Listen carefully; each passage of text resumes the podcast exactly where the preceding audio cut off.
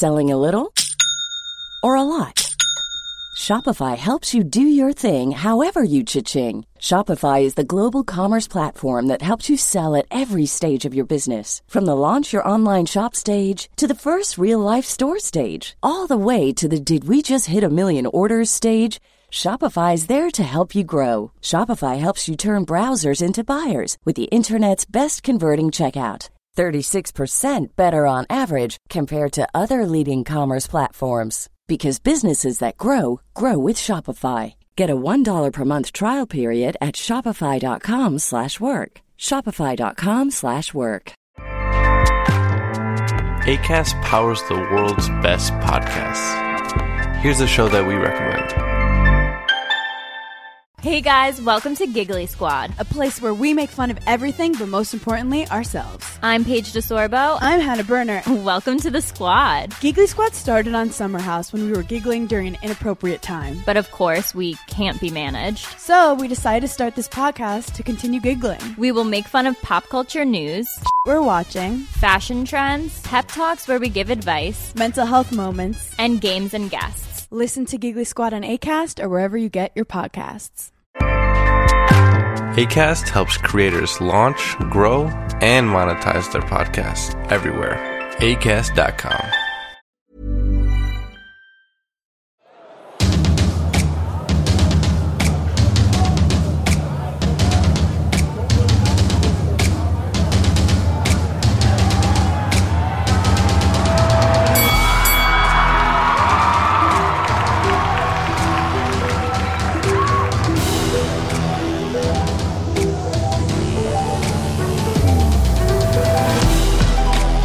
Sådär då, avsnitt nummer tre. Och jag har ärkefienden här.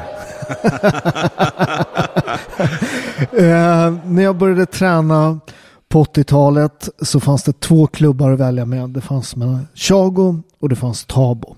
Eh, jag valde Chago och då blev Tabo fienden. Han ser lite frågande ut. Var, var du aldrig min fiende Tabo? Nej, jag har aldrig varit din fiende. Däremot så var det en rivalitet mellan mig och Chago. Så var det ju såklart. Eh, den kom lite utifrån, om jag ska vara ärlig. Ja, det, det var det. Ja, men det, var, ja, men det var det yttre trycket. Vilka, vem är bäst? Vem är bäst? Är det Chago eller är det Tabo? Och när Chago kom, han fullkomligt revolutionerade ju Stockholm. Eh, stark personlighet, väldigt skicklig, ung, vältränad. Såg ut som han kom ur någon cowboyfilm och var indian.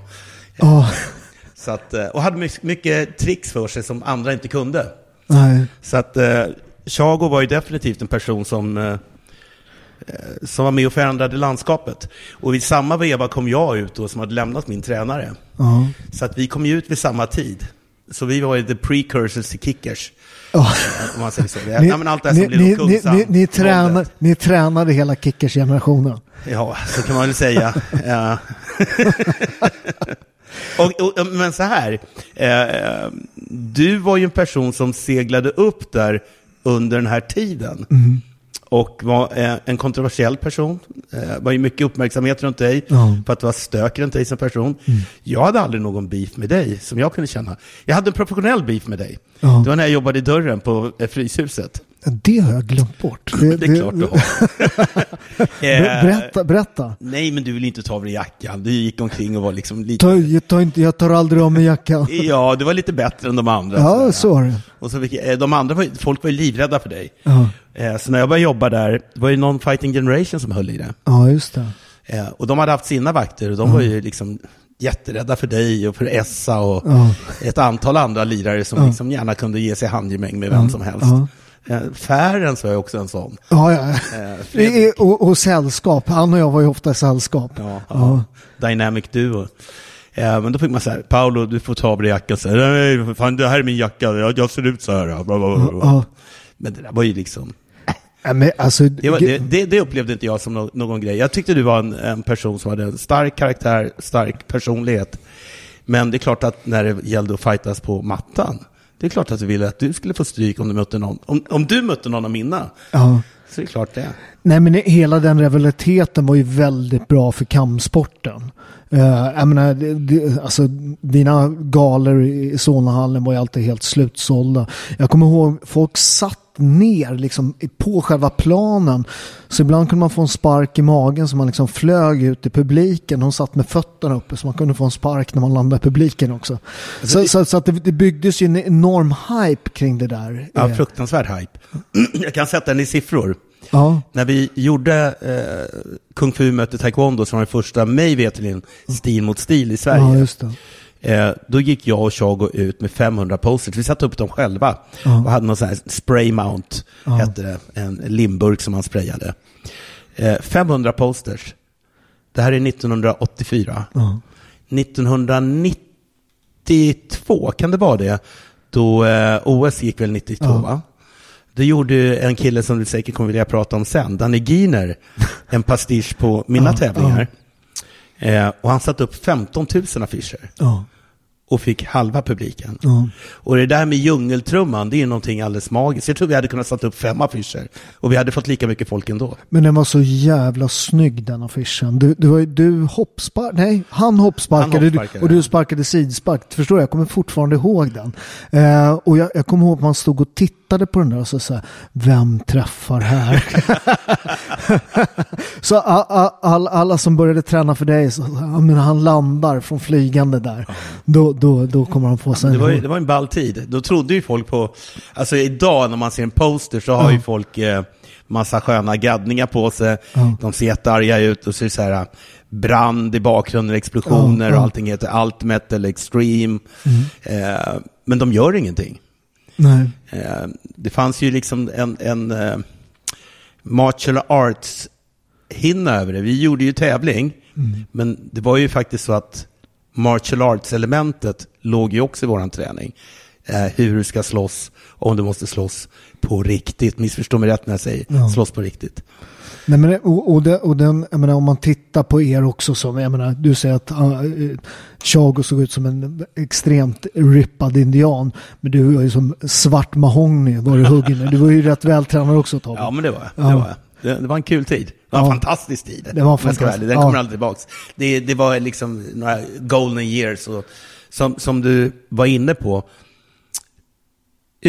utan, hade jag startat klubb och Chago inte hade funnits så hade inte våran klubb sett ut som den gör idag. Nej. Och, och min linje, min resa hade inte sett ut likadant.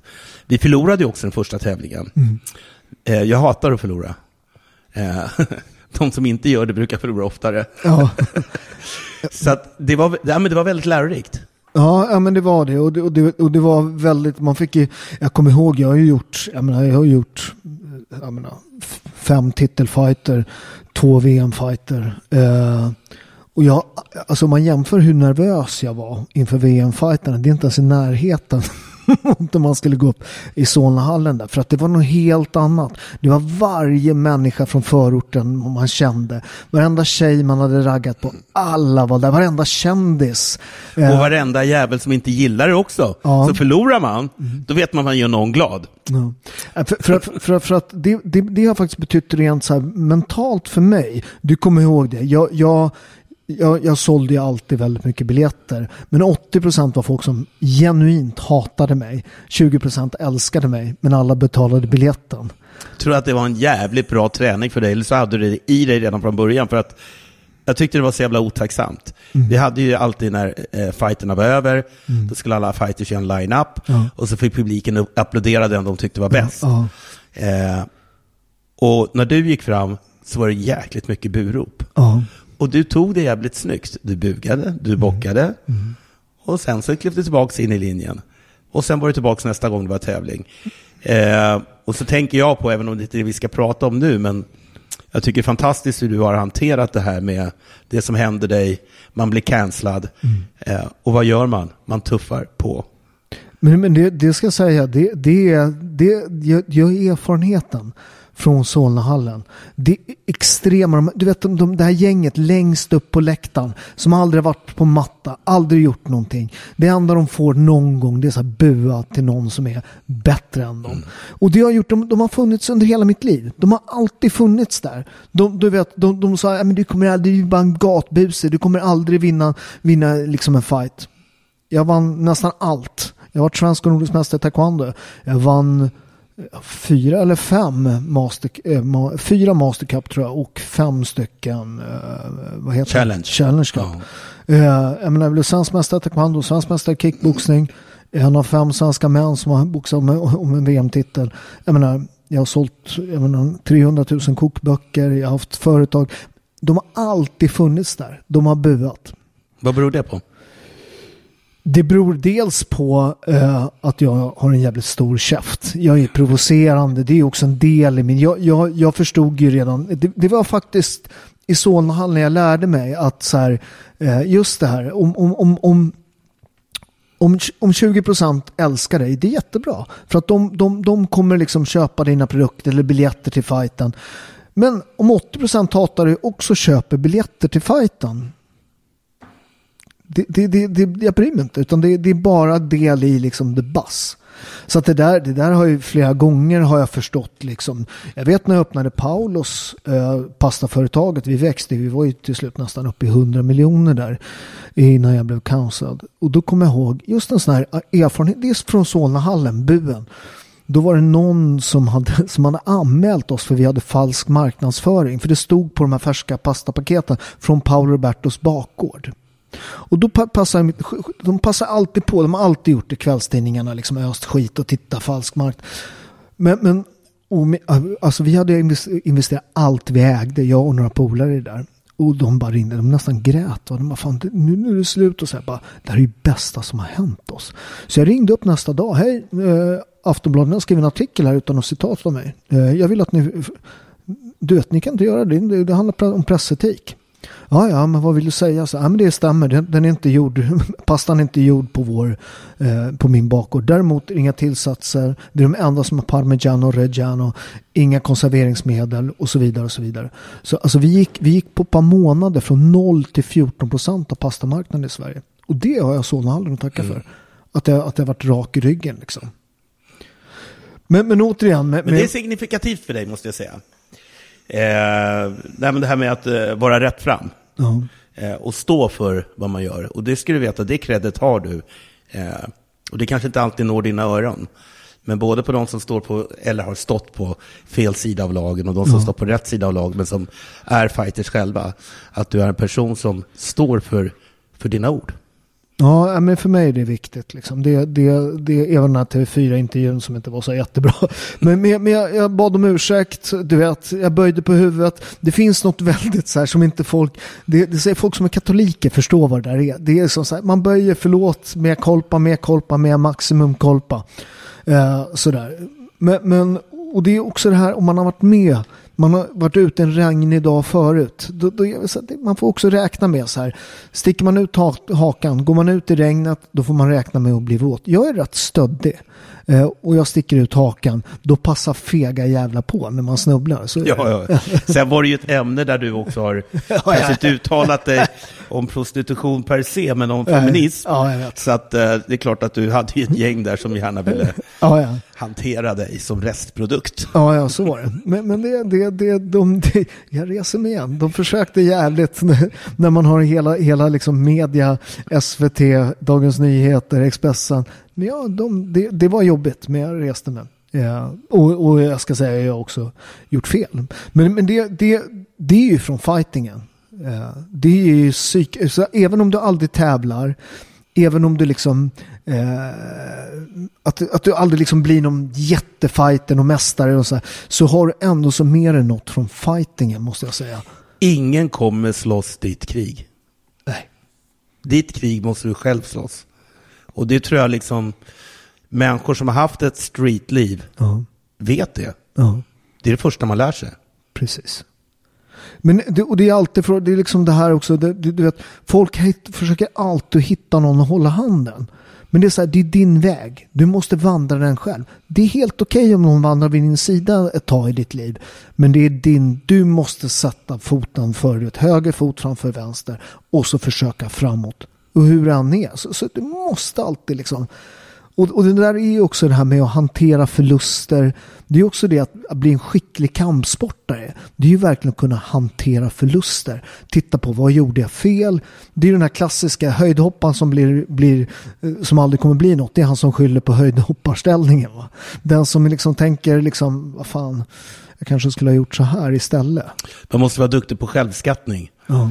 Ha, ha en bra uppfattning om vilka förmågor man har, vilka oförmågor man har, eh, vilka blottor som man inte hinner göra någonting åt. För det vet man inte alltid. Man får en ny motståndare. Man vet att han eller hon är bra på det här. Ja. Det är jag mindre bra på. Det gäller att se till att den andra inte kan spela det kortet. Precis. Och det, det är det jag pratar rätt mycket om med fighters mindset. Liksom. Att, ha, att ha den här inställningen till livet. Att liksom så här, det, det kommer vara jobbigt, det kommer, liksom, du kommer snubbla, men någonstans så är det också en erfarenhet. Varje gång du snubblar, du reser, Det, du det blir finns, lite... en, finns en grej med dig som jag tycker är, är rolig, eller intressant. Eh, det är ju, man tränar teknik, man lär sig eh, det här, banor. Eh, man lär sig strategi. Och sen så rätt vad det är så kan allting rasa ihop. Ja, precis. Det funkar inte. Vad gör man då? Då slåss man. Ever, Och det det tar- finns de som har jätteduktiga fighters, men de har inte det där. När strategierna rasar, då rasar hela dem. mm. Ja, men så är det. Det är därför det också är en person som är rolig att köpa biljetter till och se när det fightas. För man vet att du kommer fightas. Eh, och sen om det går efter gameplan eller om du måste plocka ut din V8, liksom, någon form av animal i dig och jobba med det, så gör du det också. Det, det, det är ju Tyson-citatet, det är en av mina favoriter. Every, everybody's got a plan until they get hit. för, att, för att det är ju så, det, det finns många fighters som är bra i medvind. Men i slutändan så kommer du en dag möta någon som det blir jobbigt. Och det är där, liksom man, eh, det, det är där man skiljer agnarna från vetet. Det är där du liksom, kommer du bli ett champ. Det är där du gör det. Absolut. Va, hur tid kan du se det när du tränar folk, Tabo? Eh, jag ska säga så här, de flesta jag har tränat har ju, nu pratar jag om de som har tävlat och gjort Ja, ja. bra ifrån sig. De flesta har ju varit bra amatörer. Mm. Och eh, det går fortfarande att leva på förberedelser Mm. i amatörfighting. Sen när du slåss som proffs, då måste du, jag tror att du måste ha det- the winner animal i dig. Eh, man kan också fostra fram the winner animal, Mm. men då måste man göra en breakdown av personens karaktär. Hur Och det är det man gör i militära. Du får inte sova, du får inte äta. Allt det här mamma hjälper dig med, Ja, ja. det plockar man bort. Ja. Och eh, så fort du gör fel så kommer det göra ont. Mm. Den typen av träning tror jag att fler i din generation och i min generation Mm. utsattes för. När jag kom hem och berättade tokigheter som min tränare utsatte oss för, Ja, ja. då sa min morsa, jaha, idag hade ju, idag hade, De- de hade idag hade, poli- ju, de- hade ju gått till slutet. Ja, de hade polisanmält. Jag menar, jag menar, så här, jag vet, vet Tjago, du vet, jag, jag gör ju fortfarande jordens jävla hoppsparkar. Det är, han stod med någon hård jävla sån här, i någon ädelträpinne som han slog så här, så, så om du inte... Jag har sett den. Ja, du, du vet så här, om man inte hade foten uppe riktigt, ja, men då, då, då var det bonk, du vet. Ja, men det, det, det, är för- men det är Och, också... och det, jag det- menar, då, då, bryter, då bryter du ju ner en karaktär Ja. och bygger upp en ny. ja, Eh, och vad ska jag säga? Man måste fråga sig själv, vill du bli a pro, ja, då måste du orka med och gå igenom den vägen. ja. Kan man se det hos folk? Ja, man skulle kunna se det hos folk ganska tidigt om man utsatte dem för så hård träning Ja. från början. Idag som jag tränar folk, eller vi tränar folk, ett antal tränare, så märker vi det när de har gått upp på mattan och möter tufft motstånd. Ja. Det är då man ser det. För, för det är en skillnad det där. Det, det finns ju mycket som har blivit mycket, mycket bättre inom kampsporten. Man, man, det, man ska ju inte säga att det var bättre på vår tid. Det var ju bra mycket sämre allting. Men vissa grejer var bra. Eh, det, det här som jag också tycker kan finnas idag. Idag är ju liksom, eh, när jag började då var det ju lev. Alltså du vet, du, du vet, du- du- de kunde liksom bara så här, idag sparkar vi framspark. och så gjorde man det. Tusen stycken eller någonting liksom. Det var ingen som disk- idag är ju liksom den som kommer in på en klubb är en kund på något sätt. Och det, det är en, en helt annan inställning till sporten. Att vi fick Till ju- livet. Exakt. Det finns inga mästare längre. Nej. Alla är lika bra. Alla kan själv. Och den som excellerar i någonting, den får lagom mycket uppskattning för det. Och jag tror att man går miste om väldigt mycket när man inte längre har mästare. Och en Hjäl- mästare, Hjältar. och hjältar mästare. vad det nu är, Ja. men man kan ju vara hjälte i, i sitt gebit. ja, det. Det betyder inte att man går på vatten i övrigt. Nej. Det betyder inte att man är världens bästa älskare eller eh, ger sina barn de finaste julklapparna. Men du är en jävla skicklig konsertpianist. Eller du är en väldigt duktig eh, konstnär. Eller du är en väldigt duktig kamp, eh, kampsportare. Och det är ju hantverk. Och vi håller på att tappa allt hantverk i samhället. Eftersom vi har de här tekniska devicesen som förenklar allting åt oss. Det man går miste om är att det finns ett soul searching in perfection. Innan du kan utföra övningar så att de verkligen stämmer och är i synk, så är det träning och träning och träning och det danar din karaktär. Exakt. Men jag, jag såg någon sån här undersökning att svenska var det, sju eller åttaåringar är de näst lyckligaste, lyckligaste på jorden. Eh, och det är ju helt underbart, eller hur? Men sen så tittar man när de går upp i åldern och så blir de lite mer olyckliga och sen så liksom när de är i tonåren, när de är bland de olyckligaste på jorden. Och det tror jag är liksom är hur vi fostrar våra barn. Att de, alla är ju Zlatan när de spelar fotboll. Liksom, de har ju slutat, de har slutat räkna poäng liksom. För att, för att det, det, det är jättehemskt om något lag skulle förlora för att de var dåliga. Eh, och alla liksom, åh gud, du målar här som, som Michelangelo liksom. Och, och, och du sjunger som, och det kan man ju se på dem Idol ibland, att en del har ju liksom ingen koll på. De kan ju fan inte sjunga. Och det har ju med att, att vi inte säger till folk. Man sätter inte betyg, de, de spelar inte. Och så helt plötsligt kommer du upp i tonåren. Helt plötsligt får du betyg. Helt plötsligt så spelar du fotboll och så räknar de poäng. Och så visar det sig att du är inte Zlatan, du har två vänsterfötter. Du snubblar över bollen va? och så kommer det som en jävla chock. Istället för att man liksom så här förbereder folk med att så här, vissa är bättre, du är bättre på en del saker, han är bättre på en del saker. Kämpa! Kämpa. Och då kan man också lära sig att, eh, nej, jag kanske inte blir världens bästa fotbollsspelare, men jag älskar att spela fotboll. Eh, men med allt det jag lärt mig, för jag har haft ganska svårt att förstå spelet, så blir jag kanske en av världens bästa tränare. Ja. För väldigt många begåvningar är ganska dåliga tränare. Eh, vissa saker kommer sig enkelt för dem. Så att det går aldrig över någon större analysloop. Utan det bara sitter av sig självt, och någon divine intervention som får dem att, att lösa problem. Eh, så det där, jag brukar säga att alla har sin egna lilla Mozart, apropå det du sa med Zlatan, och min fru hon, hon älskar det uttrycket.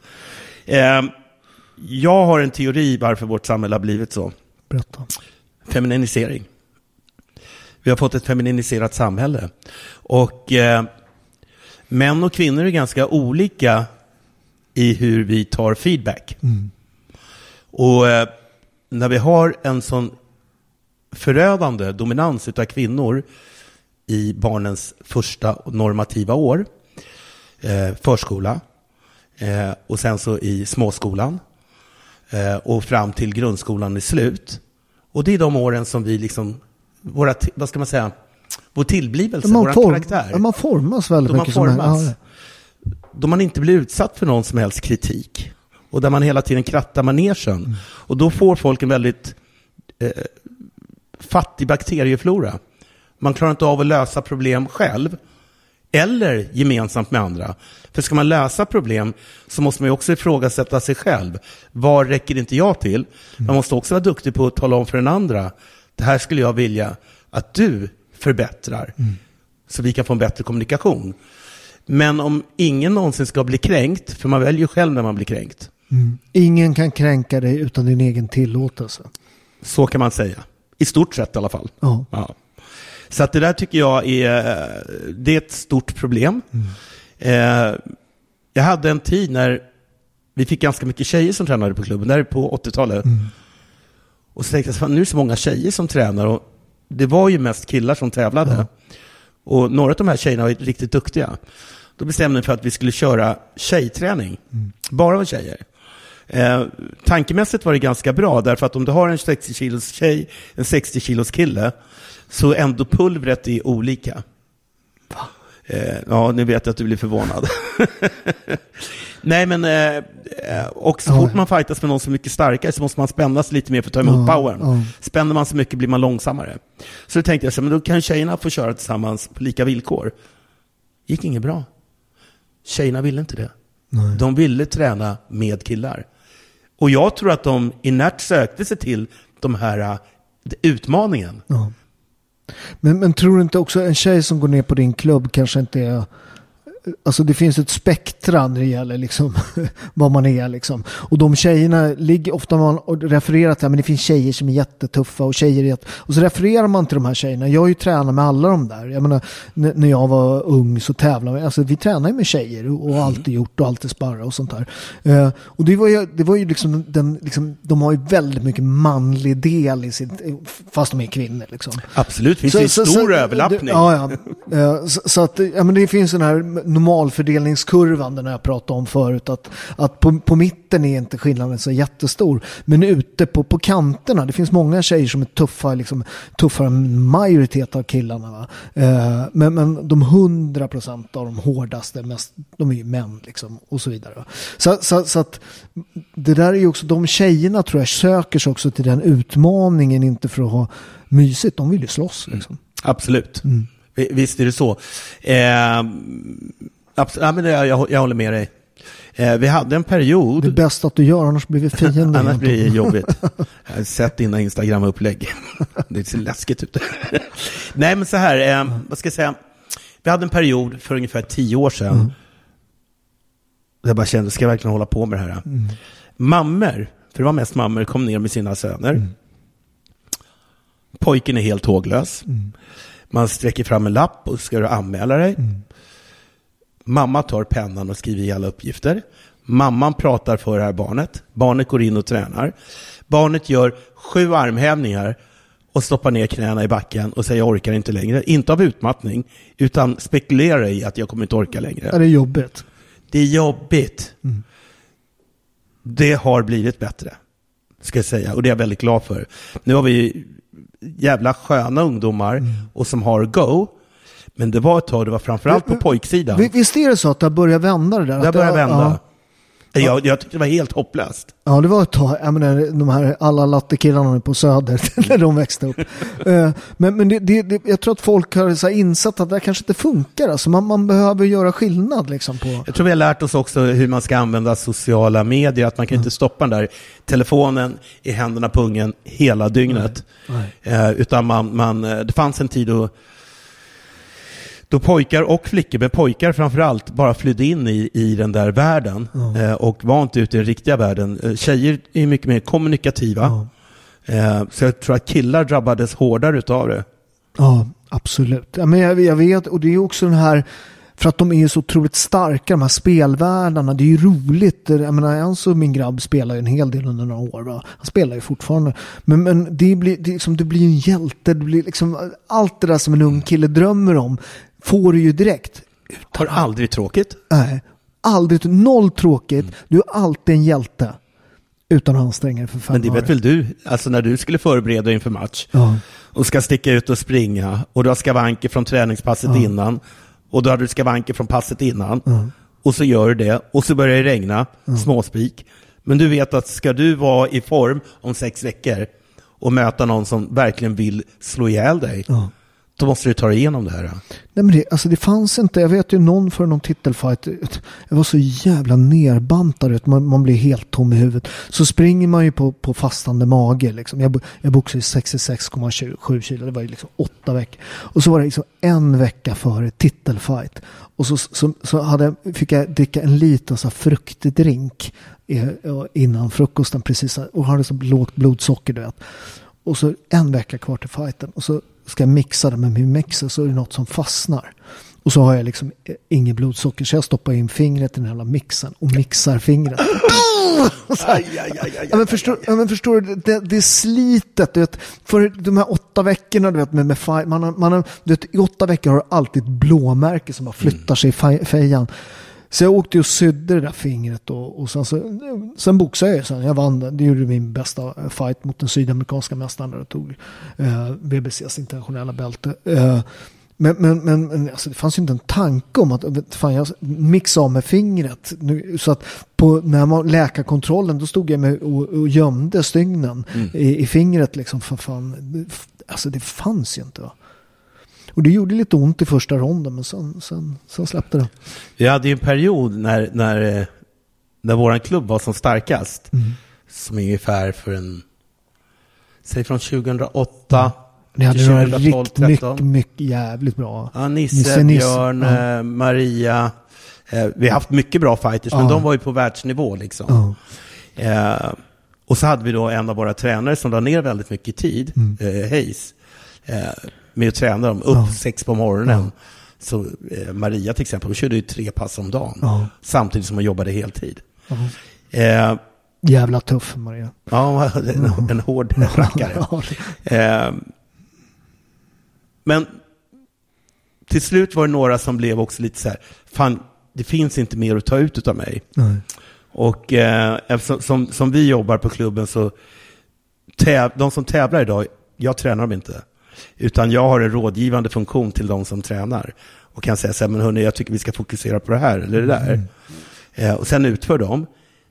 Det mesta utför de själva, för de är jättekompetenta. Men vi har en dialog. Men då sa jag till, till eh, Hayes där, du kan inte vilja åt någon annan Nej. de måste vilja själv. Och det, jag märkte att han tog till sig det. För att tränare måste ju samtidigt också se till att underbygga lustkänslor. Ja. När det är som jobbigast så, så måste du ska lura dig själv att det är kul. För det är ju fan inte roligt Nej. jämt. Nej, men, och, och idag, idag när man ser tillbaka på, på den här tiden, alltså, alltså det man gick igenom under de här liksom bantningen, du vet, man, man, man, från början också innan jag hade liksom tjänat några pengar, då bodde jag i England, bodde på ett boarding house, du vet, delat toalett, du vet, med, med alltså engelsk toalett med heltäckningsmatta jag delade med 15 killar, tror du luktade det? äh, fy fan. Ja, men, men, men, men och, och att man, och man hade alltid ont, man fick, du vet, sparrade, fick stryk, man, man hade alltid ett märke som bara flyttades. Om du tittar under tio år jag var proffs, jag har alltid ett märke i ansiktet. Det bara fly- flyttar sig på alla kort om jag tittar. Och när man, när, man, men när man tänker tillbaka det, skulle jag göra det igen liksom? Skulle du det? Vet du vad, vet du vad jag tänkte när, när, när ofta när, när allt gick så jävla bra där. Jag hade företag, jag hade 200 anställda, du vet, fyra restauranger, ett hotell, eh, en av stör, Sveriges största så här, pasta, eh, liksom, italienska. Vi var ju på väg om liksom, sätta, liksom, vi var jättestora. Eh, då tänkte jag så här, undrar om jag har the balls att starta om. Tänk om jag stod där naken en dag. Det, jag, jag, jag gillar ju stoicismen. eh, Det är en av Seneca och eh, Marcus Aurelius. Octavianus. Ja, Ma- Marcus, Aurelius. Ma-. Marcus Aurelius. Okej. Mm. Eh, eh, eh, den, den store. Eh, så jag har alltid läst han, hans meditation. Jag har alltid läst den när jag gått och lagt mig och sådär. Och det, det är väldigt mycket den här liksom. Om allt går fel, vad händer då? Och jag fick det testat. Alltså de tog allt ifrån. Tror du att du undermedvetet sökte ditt öde? Ja, herregud. Säg inte sådär. ja, ingen aning. Kanske. Det blev bättre faktiskt. Vad blev bättre? Livet. Alltså, jag jobbade för mycket. Det, det, var, det fanns massa folk i mina företag som var massa riskkapital med, med folk som man ville liksom spöa på, på. Man satt där och ägde ett företag så en massa jävla typer som man bara ville ge dem, bara resa sig upp och bara "Hörru, håll käften jävel", liksom. Så fick man sitta, ja, ja vad trevligt, du vet. Bita ihop liksom. Eh, nej, jag, jag trivs bättre med livet idag. Och, och sen så ibland så måste man ju få saker, så här, bena u- bortsparkade under sig. För att så här, ta itu med saker i sin person som inte är bra. Eh, och och det, ibland så, en del med, jag är en sån som man måste, alltså jag är rätt eh, testa da cavolo som pappa säger, eh, riktigt träskalle. Att, att här, jag behöver ibland krascha för att bygga liksom igen, bygga bättre. Mm. Så att ja, jag har aldrig tänkt det så. Medvetet vill man ju inte det. Nej, nej men, men det kanske... Men, någon- men, men det finns ju eh, det finns ju människor som säger allting går bra, man bara, men gör inte det där, för Ja, helvete. Ja, ja. Nej, men det, det, det lite så. Det, det är jag medveten om att det finns lite sånt att man försöker sabba för sig, för, för sig själv för man kanske inte tycker man är värd och du vet sånt där. Uh, ja, nej. men- Jag kan känna igen mig i en del utav det. Ehm, alltså när jag tänker på, vi pratade om det här eh, att bygga karaktär, och nu pratar jag om motståndskraftig karaktär. Ja. Att det kräver motstånd, precis på samma sätt som att, eh, att bli kunnig kräver att du lär dig saker och är intresserad. Att bli stark betyder att du måste utsätta dig för motstånd. Ja. Eh, men jag har ett minne när vi hade flyttat in någonting som kallas för bananhus i Johan Enbergs väg i Solna, Västra skogen. Fan, jag åkt bananhus i Upplands Väsby. Jaså? Ja. du ser. Vi har våra likheter. Men i alla fall, när det var nybyggt och folk började flytta in, då fanns det inga sådana här, vad ska jag säga, det var en källare som var helt obruten under de här 300 metrarna. Och där sprang alla ungar omkring. Och eh, då är det en kille som heter Leffe som var fyra år äldre än mig, kanske något sånt där. Eh, han hade samlat alla oss smågrabbar. Så skulle vi springa runt där nere. Och rätt vad det är så upptäcker jag att det här var ju planerat. Det var någon som skulle få stryk. Och det var jag som skulle få stryk. Ja, enda, Eh, enda svarta eller? Ja, jag vet inte om det var därför, Nej. men med tanke på vad han sa sen senare så var det kanske det. Ja. Eh, så det var en massa killar som man har lekt med och tyckte att man kände, Ja. som stod och slog och sparkade på en. Eh, och naturligtvis vart jag ju ledsen. Eh, berättade det här för min farsa. Och det, här, var- det var så, min pappa och jag har ju inte haft någon vidare kontakt i livet, och inte för att vi var osams, utan hans intresse dog. Ja. Men eh, han eh, tog mig i handen och så går vi upp till den här Leffe och Micke, eh, två bröder. Och så ringde han på deras dörr och så kommer pappan och öppnar, en lite fetlagd man. Och så säger min farsa, som inte heller var särskilt smal, dina söner har slagit min son. Nej, de är ju här. Nej, men de har gjort det tidigare idag. Nej, det tror jag inte. Och så stod jag ju där då. Gråten hade ju liksom försvunnit, för nu står jag och ja. håller pappa i handen. Ja. Så han ropar på sina söner, de kommer fram och de är ju skamsna, de ser ju direkt att det här blir inget bra. Nej. Och då sa min pappa i alla fall, efter de hade bett om ursäkt, om de här kröker ett hårstrå på min son en gång till, då kommer jag upp och så kommer jag nita dig, sa till, till deras pappa. Och sen gick vi därifrån. Och då tänkte jag så här, man har lärt sig att våld löser ingenting. I det här fallet så löste det en jättemassa. För det var ingen som, av de här kidsen sen som höll, höll på att tjafsa och jiddra. Men vad det lärde mig var att du måste alltid se till att inte hamna i en situation där du blir cornered. Nej. Vi hade en träff en gång, jag, Chago och Veja Nyman. Ja. Vi skulle göra en tävling. Och det här är ju i kårhuset. Vad gör Eh, Veja nu? Jag har inte jag sett. Han bor i Thailand. Det är sant. Han är gift och bor i Thailand och Ja. har två söta döttrar. I alla fall, vi ska sätta oss där. Och vi kan ju inte sitta tre stycken mot väggen. Men alla vill ha väggplats. Då ser man ju liksom att alla kom från en liknande miljö. Vänd inte ryggen mot flocken, Nej. för då kan de anfalla dig bakifrån. Nej. Så vi garvade ju åt det här, eh, alla tre. För ingen ville sitta så att den hade ryggen eh, bort mot resten av restaurangen. Eh, och jag tror att det där är väldigt målande för mig. Så småningom börjar jag ju träna kampsport, man blir äldre, blir snabbspår. varför, varför började du med kampsport? Eh, dels var jag alltid intresserad utav, alltså fighting var ju... Nu har jag ju berättat om sen när jag åkte på, på PEC. Ja. Eh, innan dess hade jag gått på dagis. Ja. Och innan jag gick på dagis så tyckte alla att jag var jättesöt. Mm. Men på dagis var det jämnåriga. De tyckte inte jag var söt. De tyckte jag var avvikande. Ja. Det skulle påpekas. Och i sämsta fall skulle man få en snyting för det. Eh, Så jag sa till min morsa till slut att nej, jag vill inte gå på dagis. Eh, eh, De gillar inte mig, jag gillar inte dem. Hon pluggade ju på Sopis då, socialhögskolan. Så eh, hon sa, men Tobbe, du måste gå dit. Men om vad ska jag göra när de håller på att slå mig och skrika umpa, pumpa, negerumpa? Men om det inte går att prata med dem, Humpa, pumpa, neger. umpa, pumpa, negerumpa, eh, då får du slå tillbaks. Ja. Jag hade inte ens tänkt tanken! Nej. Jag var i Ferdinand. Ja. Jag var en liten sån här rosenkindad sak. Ja. Gulliga. Kan jag göra det? Ja. Ja. men om det inte hjälper det du säger så måste du försvara dig själv. Och jag gick ju bara på det här dagiset i ett halvår eller ett år. Och sen skulle skolan börja. Eh, på sommaren, innan jag, då visste man vilken klass man skulle börja i. Ja. Då hade jag ju spöat upp flertalet utav de som skulle gå i samma klass. Som överhuvudtaget var sådana så att de hävdade sig. Okej. Alltså om det var någon som Ja, visade ja, att ja, jag har integritet, då var vi tvungna att klara ut det där innan. Eh, för att freda mig själv. Eh, så där fanns ju en precursor. Det här funkade ju hyfsat bra. Det är klart, som kids, jag skulle inte säga att jag kunde spöa allt och alla. Eh, men jag kunde hävda mig. Sen kom man i puberteten. Jag är född i november. Jag är sydafrikan. jag nödde upp bröstvårtan på mina polare. Och så var jag stor i käften. Och så blev det bråk och så insåg jag så här, jag behöver nog add some skills to the, to the game. Så eh, eh, boxning tyckte jag var häftigt. Jag var superfan av Cassius Clay, mm. sedermera Muhammad Ali. Eh, fanns inte så mycket boxning där jag bodde. Jag går i, vid Hötorget så ser jag en lapp, Kung Fu står det. Mm. Och jag hade ju sett en Bruce Lee-rulle, Fruktans nävar. Jag och Torsten Flink hade sett den på Sanders. och när jag gick ut ifrån den biografen, mm. ja, men det var ju som någon hade gett mig lustgas eller någonting. Ja, det, jag bara svävade. Ja. Vad fan gjorde den här liran alltså?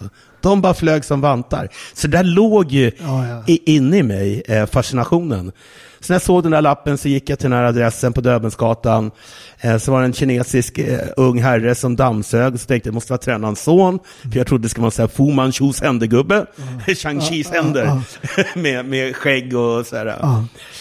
Eh, det visade sig vara tränaren. Han var supertrevlig, supersympatisk och sen började jag träna. Mm. Och sen så passade det mig att träna. Och eh, jag tränade på och tränade mer än de flesta andra och eh, blev duktig på det. Mm.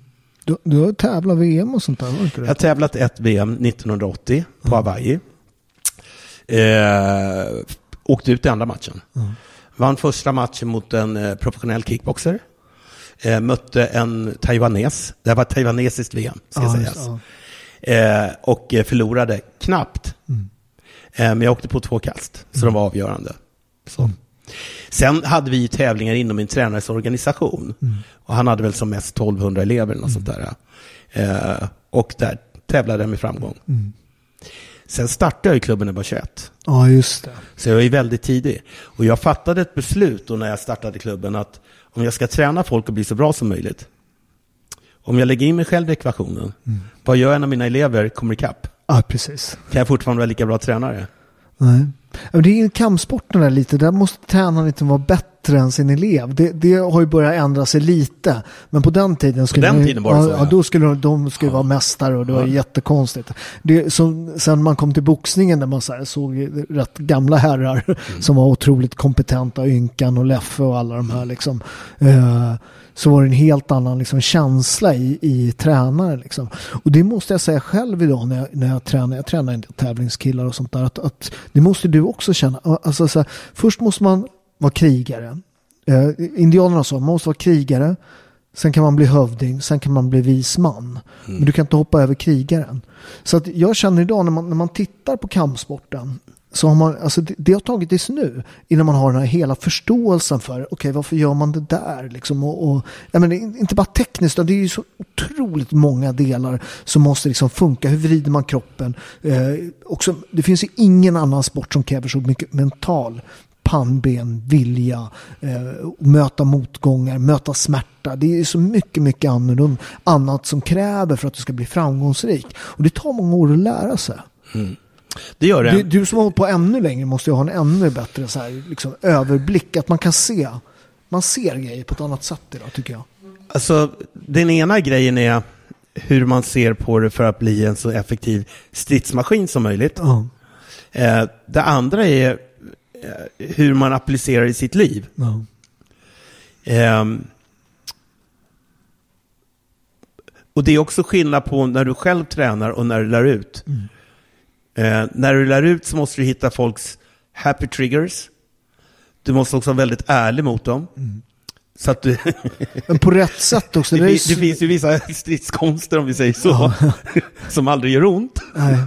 så ska de helt plötsligt börja fightas. Ja. Och så har de liksom massa damm och grejer. Ja. Eh, och tror att det där som de gör, när den andra vill hänga med på det här kastet, mm att det funkar. Det hade vi lite när, på 80-talet när man tävlade, att det dök upp lite sådana här ninjas.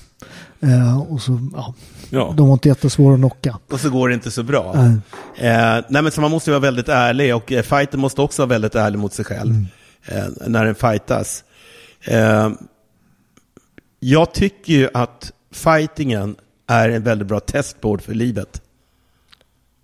Absolut min inställning också. Det... Nej, men om jag säger så här då, då jag går tillbaka lite. På den tiden när man var tränare mm. så kunde när som helst dyka upp någon Just gick in genom dörren ja. och som sa dig vill jag möta. Ja. Så det var inte så att man bara satt där och käkade semlor och kunde liksom så skicka ut sina fighters och, och slåss mot varandra mm. och allting var la la la la la la. Utan kom det ner någon och gästtränade, då måste de veta att den här killen, han är på riktigt när ni sparrar. Ja, det var re regelrätta uppgörelser ibland. Jag kommer Det ihåg var det. det. Ja, ja. Ja. Det, det, var som Hongkong-filmer. ja, det, Så att det vart ju också så här, ska vi säga. Man byggde ju lite grann så här någon skräckimage kring sin karaktär. Eh, Och det var väl lite det som kanske både jag och jag var duktiga på, att se till så här liksom, man, man håller sig med någon halo, någon aura. Så Ja. Krånglar du så kommer det bli krångligt. Jo men det, det där, jag menar, det, det, man var ju helt, alltså man var ju, man såg de här kung fu-filmerna och, så, och, och, och ni var ju också enormt skickliga både du och jag. Alltså det var ju liksom, ni var ju byggda som, som gudar liksom och hoppade högt och sparkade hårt och så här. Som ung kille, man kom ner 16 år, det var ju liksom så här. Du vet. Och, och Chago var ju så här. Alltså det var ju, men han, alltså Chago är så rolig. Min- son är ju svartbälte där. Eh, han är ju så jävla rolig. Det, det, det har inte hänt speciellt mycket. Det är fortfarande exakt samma. Jag, jag blir så här, hur kommer han undan med att köra med folk så här som han gör? Alltså det vet jag, jag tränar ibland där. Då kan han så här, hoppa jumping jack. Ja! Och- Han pratar ju så jävla dålig svenska också. så, alltså, man, man säger, fan har du inte lärt dig? Sparka kisseblåsa, nurrarna, vad heter det? Och sen, kan han bara, sen kan han bara gå och ta en kaffe. Folk står och hoppar, ingen vågar sluta, så brukar jag till slut man så här, ah, vi gör något annat där. Men han har, han har ju ett, eh, ett enormt kraftfält kring sin person. Ja. Alla människor har ju olika energier. Ja, Eh, han har ju ett av de starkaste energifälten jag varit med om. ja det är helt sjukt. Första gången vi, vi eh, eller när vi hade bestämt oss för en tävling, Ja, vi hade träffats några gånger innan. Men eh, när vi bestämt oss för en tävling, för att det här hände på 88 vi träffas mitt i natten, 80 Regeringsgatan 88 för er som inte var med på den tiden, där låg det en klubb eh, där man S- kunde svart, dansa. Svartklubb var det. Ja, det, var väl, ja, vi säger det. Det var både det och allt möjligt. Men det var rätt kul där. Men då träffades vi så började vi prata om att göra tävling och sen så gjorde vi det. Och vi sitter och pratar regler och sen så ska vi göra den här affischen. Så vi sitter och gnuggar texter tillsammans. Idag ser det lite hejkon bacon ut och det är charmigt. Eh, vi gjorde så gott vi kunde. Men jag minns när vi höll på att prata. Jag, jag har stark energi. Jag har ett starkt energifält. Men det var som någon hade jammat ut liksom alla radiosignaler ifrån Base Tabo. Så sen efter, då tänkte jag så här, den där jäkeln, han jammade mitt system. Ja, ja, men han var, Eh, och, och, eh, och, och då tänkte jag så här, det där ska aldrig hända igen, att jag låter mitt system bli jammat. Eh, han har en fantastisk energi, eh, precis som Torsten Flink som är en barndomskamrat till mig. Eh, också en person med enormt starkt energifält. Och folk har olika energiladdningar. ja, så är det. Ja, men det där är rätt spännande. Men han har ju, men det har du också Tobbe. Eh, ja, men det, var, det, var, det var stort att, att få vara, vara med om den. Liksom. Men sen kommer jag ihåg också det här med, med att, alltså det var ju så ironiskt då, då, då var ju liksom det var ju liksom livsfarligt med kampsport. Det var ju liksom, det, och det där byggde ju också själva, det sålde ju biljetter. Så att ni var ju inte helt så här, eh, de lär ut dödliga grepp i källare liksom. Eh, och ni var ju inte lite sådär, nej det gör vi inte, utan det var sådär, nej men det här är ju liksom, för att det sålde ju biljetter också. Ja, det är klart. Så det fanns ju en enorm så här, från från liksom, alltså, samhället, att det, vi tillhörde, tillhörde ni Budoförbundet då eller? Vi har alltid tillhört Ja. Budoförbundet. För att på vår tid, alltså då kommer vi ha, fan hette han, jävla dumskallen, någon från karateförbund, vi låg under karateförbundet. Paul Höglund, Stig... Nej, Nej eh, fan hette han, han var utländsk. Eh, Escalante. Ja, Javier Escalante, han var konsulent. ja. Eller generalsekreterare. Ja. Generalsekreterare, ja. Ja, men han kom ner och så hade de så inspektioner, tillslag på klubben. Så titta, de har inte bältena på sig. Man tränade i liksom t-shirt, då, då var det farligt. Då var det källar, då lärde vi oss att mörda. Jag gjorde ju posters med bara överkropp. Ja. Det var inte populärt. Men jag hade ju sett så många tjockisar, det gör jag ju själv nu, men jag har sett så många tjockisar som så här åtta dan Ja. och så gör de en spark som når upp ungefär strax mellan navel och brösthöjd. Och så står man blir stark, man blir vig, man allting. Och bilden är en total negation mot vad man ser. Jag tänkte så här, det måste vara mycket bättre att lägga en hög spark som har en ren teknik och man ser sixpack. Då behöver man inte skriva så mycket. Nej, precis. Men det är klart att alla de som då hade en stor buk och massa damm, de retade ju upp sig på det där. Alltså in i helvete. Va? Ja, det var oseriöst. Det var oseriöst för att man var vältränad. Men, men, men det, det, har ju hänt, det har ju hänt något i vår värld rätt ordentligt. Det är ju när MMA dök upp. Eh, och det kommer jag ihåg i början, du vet. Eh, jag menar, ja, du vet, man, Omar, som en kompis med var väl en av de första proffsen och sådär. Eh, det, det, det, ställde ju alla de här tjockgubbarna, de här krafter, och man, du vet, man kunde böja, böja fingrar och allt sånt. Helt det vart det, de fick ju byxorna neddragna. Mm.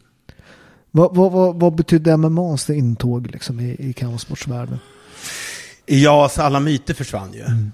Eh, det gick inte liksom att skydda sig bakom.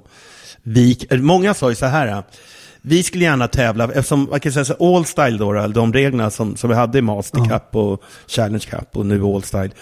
Eh, ja, All Style finns ju kvar. Ja, All Style finns kvar. Det är jättestor va? Ja, ja, det, ja, det är stort. Det har blivit ett eget förbund nu då. Mm. Men, men då var det en del som sa så här, men vi kan inte köra det därför att det är så många saker vi inte får göra. Ja, just det, för det är jättefarligt. Ja, vi är jättefarliga. Få, kan, vi är så farliga så vi kan inte tävla. Mm. Precis. Sen så när MMA kom, ja. då fanns det inte så många ursäkter.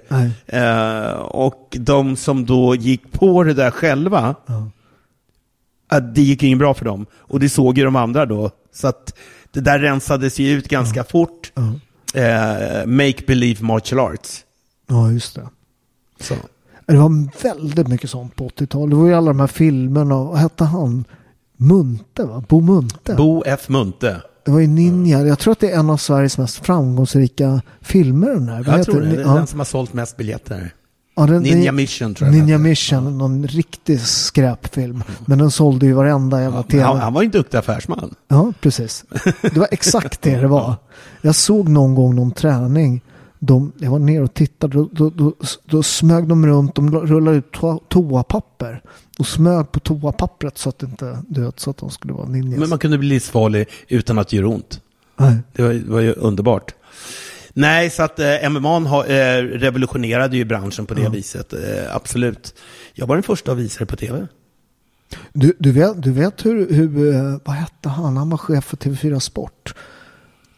Som tog in det först i Sverige, eh, UFC. Det, det, det, det, kan jag säga, det ska jag ta på mig lite ära. För jag ringde, när, när jag sa ni måste ju ta in det här, det kommer bli skitstort. Uh, Nej, men du vet folk som slåss i burar. Och sen var det någon gala som var större än Super Bowl. Så jag skickade tittarsiffrorna. Då köpte de det. Uh, och jag var kommentator för UFC, första kommentatorn mm -hmm. på TV4. Uh, när de började sända det. Uh, Vår vän Ola Alvarsson, uh. han sa så här, Fan Tabo, har du hört talas om UFC? Nej, det har inte jag gjort. Nej. Ja, men det är så här, äh, vet, det finns ju några videobutiker, men det är så underdisk. Det var som Snuff Movies ungefär. Ja, just det. Så han hade raggat tag på det och tejp och jag tittade på det där. Det var, det var ju rätt oborstat på den tiden ja. skulle sägas. När någon stod på alla fyra så ja, ja. kom det så här fotbollsparkare från helvetet och det skallade. Så att det här var innan det blev en riktig sport. Ja. För idag är det en riktig sport. De är otroligt skickliga. Och det, om man tittar på dagens fighters. Ja. Alltså, du, du, vet, de är ju så här, de, på marken är de ju som en riktig jutsu-fight. Mellanlägen Brottas så som olympier. Ja, boxar som proffs. Sparkar i huvudet som taekwondo-killar. Ja. Alltså det, det är ju helt. Sparkar på låren som thaiboxare. De är ju verkligen allround. Verkligen. Men 95 i alla fall, så, när jag gjorde svart eller vitt, du var ju på fyran då också höll på med dina grejer. Mm. Då eh, visade vi UFC. Så jag tror att det var första gången som det visades i svensk tv, 95. Och då är Omar med i studion och Magnus Cederblad ja, med i studion och några andra lirare. Så var det först lite, eh, var lite morgonsoffa också, apropå ja, det här. Ja. Den nya dödssporten. Ja, just det. Ja. Back in the days. Back in the days. Vi hade nog, eh, hade, hade jag kommit senare, så är det väldigt sannolikt att vi hade varit inblandade i det gamet. Men eh, jag tyckte inte vi, alltså vi har tävlat och tävlar i kickboxning, thaiboxning, mm. eh, sanda som är kung funs fullkontakt mm. och sen all style som är våran stil. Mm. I kickboxning i både low kick och i K1. Mm. It's pretty everything jag, eh, i stående kampsport. Ja, men jag säger ingenting, men jag hade, jag hade ju velat prova. Alltså, det, när det dök upp då var jag boxare på världseliten och det var en rätt, alltså det var en rätt ung sport då. Eh, och jag gjorde liksom miljoner per fight. Liksom, så att det var inte riktigt läge att börja fightas. Men jag, jag har ju en bakgrund inom judo. Jag är brunbälte i judo. Hade passat dig? Ja, kanske. Men det hade varit kul att prova. Jag ska inte säga någonting, men det hade varit kul att prova. Jag brottas ju med en del rätt bra killar sådär också. Så jag säger inte att jag vinner, men jag är inte, man, man promenerar inte över mig i alla fall. Det, det är en sport som det... Det finns ju några eleganter i det. Ja. Adesanya, IH. Men det är en sport som så här, du kommer inte undan. Nej. Rätt vad det är så sitter du i backen och någon som ground and poundar dig. Ja. Så att eh, psykesmässigt så kräver det ett speciellt psyke.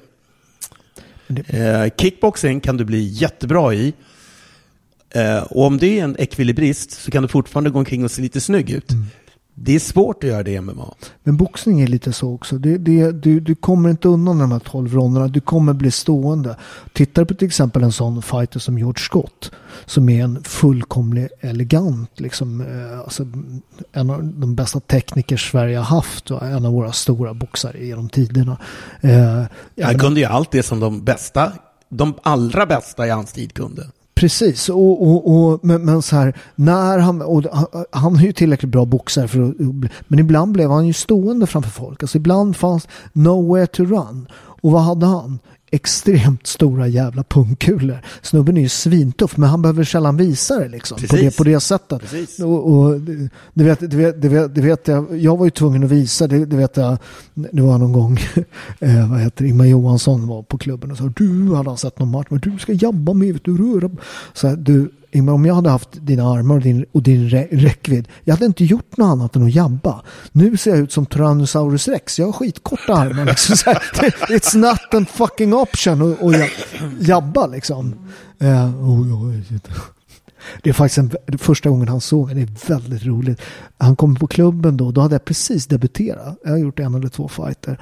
Och så, ah men här är en proffskille. Han var ju väldigt trevlig Ingmar. här. Och så, jo, det- så visade han liksom någon teknik där för mig. Och så ah men Ingmar jag är, jag är saupo. Så här. Då bara gick jag. Jävlar ska slå sönder vid födseln. du. Då ska han skj, skjutas vid födseln. Han hatade saupo. Ja, vilka, vilka mötte han som var Southpaws? Vet faktiskt, men det, det var ju, han fick, kom ju inte åt, vi är ju lite svåra att komma ut, åt med jabben. Så han, jag, jag, jag vet faktiskt inte, men han hade tydligen problem med Saupo. Så du berättar, jag har ju inte sett någon match där han har problem, men tydligen så gillar han det. Så det var Southpaw? Ja, Har inte jag tänkt på. så vänsterhänt. Var, var det när du sparkade också? Alltså när, när du körde sparksporten? Nej, vet du vad? Nej, det är Nej. därför du... Ja, jag, jag, spa, jag sparkar ju med högen. Ja. Och, och eh, faktiskt, kickboxning funkar det bra. Jag sparkar hårdare med vänstern. Slår hårt med vänstern, men snabbare med högen. Så, så det är högen, högen är mitt sparkben. Och, ja, vad konstigt att du... Ja, det är klart att du, du har ju sett mig tävla tusen gånger. Ja, Nej, men jag sparkar med högen. Det är min bästa sparkfot. Ja. Ja, det där är spännande. Vad, vad, tror du, vad tror du är kampsportens framtid? Har du sett nu? Du har ju dykt upp så mycket. Kampsportens framtid? Ja, men har du inte sett? Jag har sett att det finns så mycket sjuka. Har du sett den här när de slåss i en, en, i en, en telefonkiosk? Nej, nej. nej. I Ryssland. såklart. Eh, De har massa tokiga grejer. Ja, ja. När de står och ger varandra lavetter också, tycker jag är underbart. Ja, det vet och när de binder fast handen, eh, typ som armbrytarna har ju en grej de håller. Ja, just det. Och så, så, så, Men man binder fast handen och så nitar man med andra handen. ja, det har jag också sett. Men, men det, det verkar inte så smart. Nej, men jag tror framtiden inom, inom eh, kampsport, jag tror MMA, hade, hade Floyd Mayweather förlorat mot eh, Conor McGregor Ja, så hade boxningen fått ganska stora problem. ja, Alltså, MMA har ju, eller UFC ska jag säga då som format, är så väloljat maskineri.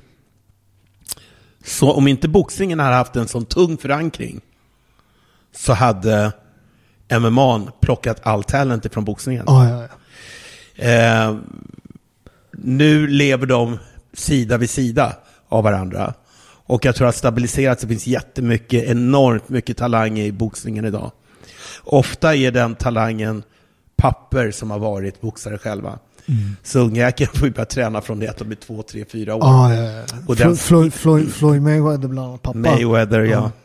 Och sen hatar de föräldrarna. Roy Jones Jr var ju också, Ja. han pratade inte med sin pappa. Nej, nej, det- Men han blev ju också världens bästa fighter. Ja, nej, men det, det, det, det, får man ta en läxa. Jag tränar i min son. Så, så, han kommer, så, så, så han kommer prata med mig i framtiden. Nej, men det där har varit lite med sonen, så här, det går ju lite i vågor det där. Och då har jag sagt till honom så här, "Nej, men så här tränar man tre gånger i veckan. Det, det ingår i att hålla formen. Liksom, så här. Om du inte vill träna kampsport, då kan du börja med något annat. Så han spelar fotboll ett tag, men sen så är, nu är han han ju tycka det är så jävla roligt liksom. Så han inser att pappa är hyfsad tränare också. Så han, han är ju mer här än vad han är på klubben liksom. Eh, och så får pappa kan du hålla plattor liksom. Nej, det, det där är ju en balansgång. Och, och, inte pressa sin son för mycket, eller dotter om man nu har det. Ja. Ska ge er ett tips? Ja. Och som ni lyssnare också ska kolla in. Ja. Jaron Ennis, välteviktare. Det kommer ju gå en match eh, i slutet på året mellan eh, eh, Errol Spence, eh, eller Bud Spence och Errol, Errol och Bud. I alla fall. Vältevikt, båda två är obesegrade. Eh, rankade etta, tvåa, Ja, ja, etta, trea, pound for pound. Så det är liksom kungamatchen inom all boxning idag.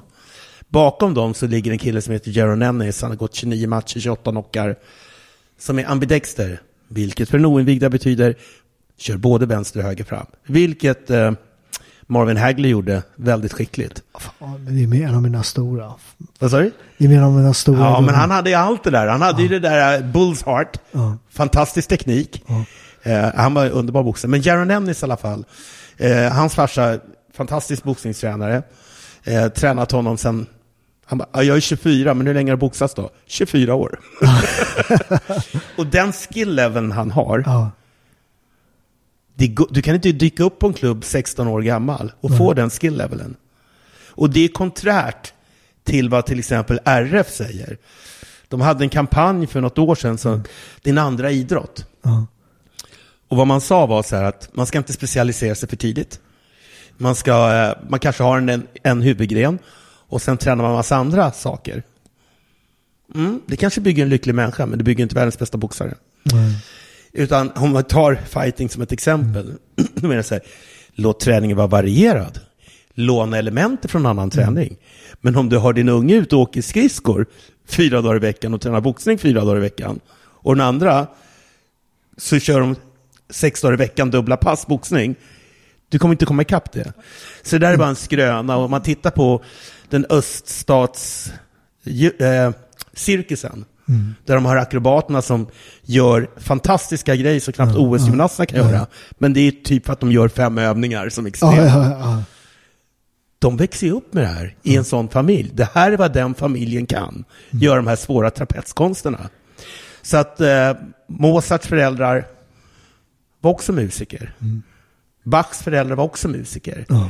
Så att jag tror att i det här specialistsamhället som vi har framför oss, de flesta människor kommer inte behövas på arbetsmarknaden. Vi har AI som kommer överta även intellektuellt arbete.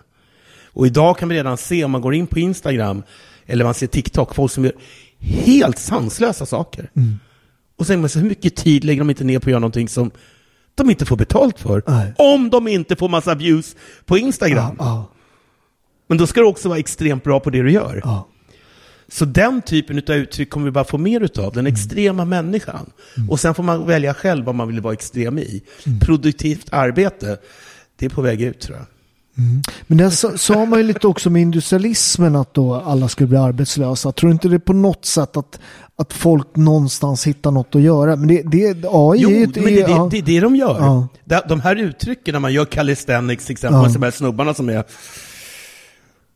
70 bast, Ja, ja. Som har en sån här barr de kör på. Ja, ja, ja. Som så här, det är liksom en 25-åring på 10 000 som klarar att göra de här grejerna. Den typen av fenomen kommer bara bli vanligare och vanligare. Mm. Eh, nej, jag tror att vi kommer ju vilja att människor utför saker. Mm.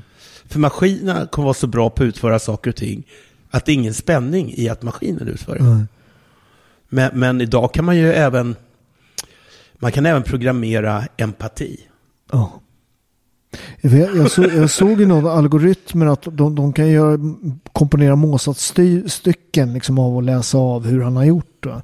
Och, och alltså, riktigt duktiga musiker kan inte riktigt säga vad som är vad. Utan, utan alltså, ja, det, det, Men då är det ju roligare att lilla Filip spelar de här avancerade stycken, Filip nio år, eh, som en ekvilibrist, Ja. än att man smäller på en dator. Som Nej, men 100 procent. Men det, det är ju det. Och, och det är ju det med Instagram. Alltså det, man också, för det är också med kampsporten.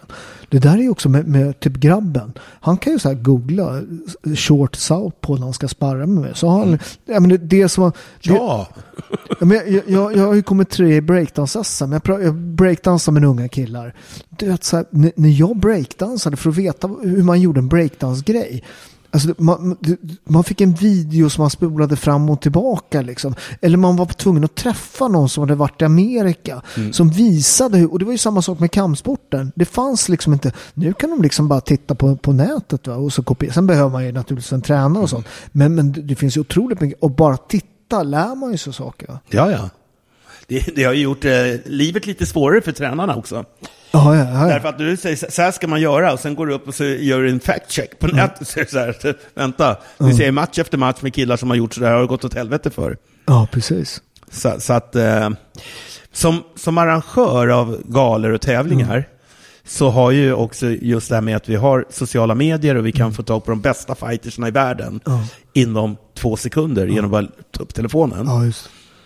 Eh, det har ju förändrat hela sättet att producera tävlingar på. På din tid, alltså på, eller på vår tid, där du var ett av de bärande namnen i våra koncept. Det var så åh, ska Paolo möta den där? Fan vad spännande. Och så flög man in någon världsmästare från Rumänien eller Ja, ja. Slovenien. Och det var ju världens grej. Ja. Idag att någon sätter en världsmästare, i vilken organisation? Ja, Jaha, se ju så. Alltså man kan ju fact- fact-checka allting. Och det, det är inte lika sensationellt. Eh, det gör ju att du måste bygga tävlingar på ett helt annat sätt än vad jag gjorde förr. Eh, för vill du ha de allra bästa i världen, då måste du sälja ut Globen. För att de är så jävla dyra. Eh, Canelo, Canelo som mötte, vad heter han, eh, Triple G här. Triple J, ja. Den gick med 27 miljoner dollar i förlust. 27 miljoner Ja, dollar. pay-per-view räckte, räckte, eh, de hade behövt dubbla mängden pay-per-view för att betala fightersarnas gager. Nu är de extrema exempel. Men, men det har gjort att det ändrar på gamet helt, eh, helt och hållet. När jag arrangerar galer, för det har jag börjat göra igen. Det var ett tag jag inte gjorde galer. För att När, när är nästa gala? Nästa gala, eh, maj, siktar vi på. Och eh, det här galakonceptet heter ju Blitz, där jag vill att du skulle vara speaker, men du åkte till Göteborg. eh, det är ett format då vi flyttar in i en teater Ja. och am- lånar teaterns eh, element. Och när jag säger låna teaterns element, vi har vi öppnar insläppet en och en halv timme innan med bar och så här, röda mattan. Man träffar, ja men tjena Paolo, hur är läget? Är det bra? Så här, vad, fan, vem, vad tror du om huvudmatchen? Man snackar lite, så här, vad gör du nu då? Jag jobbar med data, jag gör det här, det här. Så dels har vi då det här, vad ska man säga, att hänga Ja. med människor som själva har eh, kärlek för idrotten. Sen går man in och tittar på de här fighterna och vi har från att en, en fighter blir korad segrare till nästa match börjar max två och en halv minut. Ja. Vi har slimmat det oerhört mycket. Och sen har vi applådtack när galan är över. Och den tar inte mer än två och en halv timme. Eh, och alla sitter kvar. Det har, varit en, det har varit väldigt succéartat med det konceptet. En av de bärande elementen i det konceptet det är att vi hittar high caliber fighters som går derbyn. Ja, ja, ja. Det är det som Det gör att publiken det goes ape shit. Så du har en svensk som har tävlat nere i Bangkok och hej och hå, och så möter någon, någon annan svensk som har, eh, men är en systeridrott. Eller om det är samma idrott, men då gör man kanske en catchweight. För det där, när jag, när jag, jag bodde i London i början på min boxningskarriär. Alltså de, när local area champion. Alltså det var alltid flera och det var sån jävla drag. Och det var ju typ så här, du vet, det var ju två grannkvarter. Eh, så att du vet, tuffaste killen mötte, du vet, alla visste vilka de var. De kände varandra. De hade sett dem på gatan. va. Jävlar vilket drag det var. Det blir ett eh, fruktansvärt Ja. drag. Man har sin homie, man, man sitter ju... Jag ska visa dig sen, eh, du kanske, nej jag ska visa en, en, en promo som jag har ifrån eh, från The Blitz, som, den, som det formatet heter. För det gamla formatet som du var med i, Mastercup, det, folk gick ju man ur huset.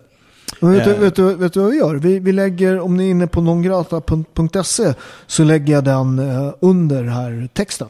Så kan ni titta på, på, på Jag lägger, också, jag tror jag har någon fight på när jag tävlar eh, på 80-talet när jag tar bollen. Men kan inte jag få proma tävlingen hos dig när det är dags sen? För att eh, den här The Blitz-grejen, Ja. den, den är egentligen gjord för att vi ska använda vid nästa tävlingstillfälle. Jaha, okej, förlåt. Jag har ju en annan som jag gjorde för, eh, som jag redigerat själv, så det är inte alls samma kvalitet, men ifrån matchen där du och Omar kör, Ja, just det. eh, som är en fantastisk match. Vilket jävla tempo. Eh, och där du, eh, som vi pratade om innan ni kära tittare eller lyssnare kom in här, men, men där du eh, knockar honom. Ja. Eh, han kommer upp och... Eh, Han ligger, han får komma upp, han får ju vila för fan. ja, ja, ja, ja. Alltså det där, jag, jag kan förstå din frustration. Ja. det var din enda plupp i protokollet. Ja, ja. Annars vann du alla fighter. Ja, nej men jag, jag, det, det där, det var, det var sen, det var, jag knockade honom där och sen så fick han, jag, eh, vi, vi får lägga ut videon får vi se. Ja, ja, absolut. Absolut. Får ni bedöma själva. Skulle jag vara helt, jag har aldrig poängräknat Nej, nej. matchen. Eh, Jag har hela matchen också, men Ja. jag har gjort ett, ett, en, en sammanklippning av det som är ja. skönaste. Så jag har aldrig poängräknat matchen. Eh, men så här, i, i ett vanligt scenario, för då fick man ju inte knocka. Nej. Eh, vi kringgick ju det, eftersom alla tyckte det var löjligt. Det var alla, alla, kutym att man kastade in då handduken. kastar man in handduken. Eh, det kunde också vara att domaren stoppar matchen. Ja. Om domaren hade stoppat matchen, då hade ju du förlorat för att det var du som knockade. Ja. Nu var ju problemet att han säger stopp samtidigt som din fot lyfter från golvet. Det gick inte att stoppa din teknik. Mm. Nej, men, men, om- du, har, du, har ju, du har ju lånat den och sett den hundra gånger. För du, Ah, ja, för du har ju lånat den ja, tillfällen ja. när du har gjort promos om, om, om din verksamhet. Så stoppet och, Mm. och sparken ligger så nära i sekvens. Medicinskt sett, Ja. nu var han ju klar i huvudet efter han fick vila. Ja. Medicinskt sett hade han nog åkt på en 10-räkning ten and out. Mm. Om vi hade haft reglerna som de ser ut idag. Nej men jag, nej, men det, nej, men det, det, det, jag varit i svep några gånger i fighten så, så att poängmässigt vet jag faktiskt inte. Eh, sådär, men, men, men eh, eh, jag knockade den. Det, det, det, är den, det är den snyggaste snurrsparken i hela mitt liv. Den kunde ha räknat till 2000 om den så Ja, den, den var fin. Det, var- det var sen, sen efter det jag började med kickboxing för där, där, fick man ju, liksom, där fanns det en annan liksom, regelsystem. Men, men eh, det, det, den, den svider fortfarande lite måste jag säga. Men, men, eh, det, det, Men det är därför du är bra. Ja, ja, ja. Det här med att liksom att rycka på... Alltså så här, en, en bra fighter kan rycka på axlarna utåt. Ja. Men om du rycker på axlarna inåt, då har vi problem. Nej, men jag, tycker, jag, jag, jag, tycker fortfarande att det är... Alltså hur länge sedan är det där? Det Oj, det här är 90 tror jag. Kan det ha varit 90? tre... 90 92? 92 var sista Ja, gången ja, ni- körde. ja, 92 må, det måste vara... För jag, jag blev svenskmästare i kickboxing 93 tror jag. Och då har jag slutat. Eh, ja, så det måste vara 92, 92, 92 93. Ja. Nej men det svider fortfarande. Det, det, det, det, den, eh, den, det är en sak om man verkligen får stryk av någon. Det är så- Det är inte så mycket att säga. Eh, men, men, men där tyckte jag inte jag förlorade. Men det, det, det är lite så, man, man måste, ibland måste man ljuga för sig själv också. Det, det är faktiskt när vi pratar om, om det här med fighting, eh, det där med att se vad, vad, vad man har gjort fel, rannsaka det, göra det bättre. Men du måste också vara bra på att ljuga lite för dig själv. Så att du går upp igen. Men alltså, fan, man har gått någon VM-fight och fått halva liksom, käken, hela fejan bruten. Så, äh, men det var väl lite, så, även fast man vet att, att okej, jag kanske skulle ha gjort så här och tränat på ett annat sätt. Att man får det liksom, man blir avklädd. Men man måste ljuga lite för sig själv för att, Ja, gå, ner på, för att gå på gymmet. Det, det är en fine balancing act. Det är en fine balance. Och det är... Men det är en fine balance. Mm. Verkligen.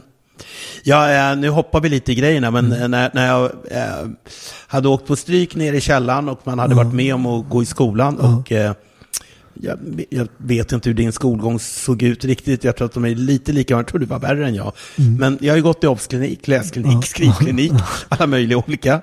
Jag var väl åtta år första gången jag fick träffa kuratorer och psykologer. Så att jag hade ju en ganska bumpy road själv i plugget. När jag är klar med grundskolan, för att fram till grundskolans slut så tror jag att jag slogs i snitt någon gång i veckan. Det gick aldrig en månad utan ett slagsmål. Nej. Inte en chans. Utan det var liksom, det var en enda lång veva. Sen började man gymnasiet. Och då minskade det där och jag började ju träna då efter Mm. ett halvår in i gymnasiet och då var det så här, tränar du kampsport ska du inte slåss.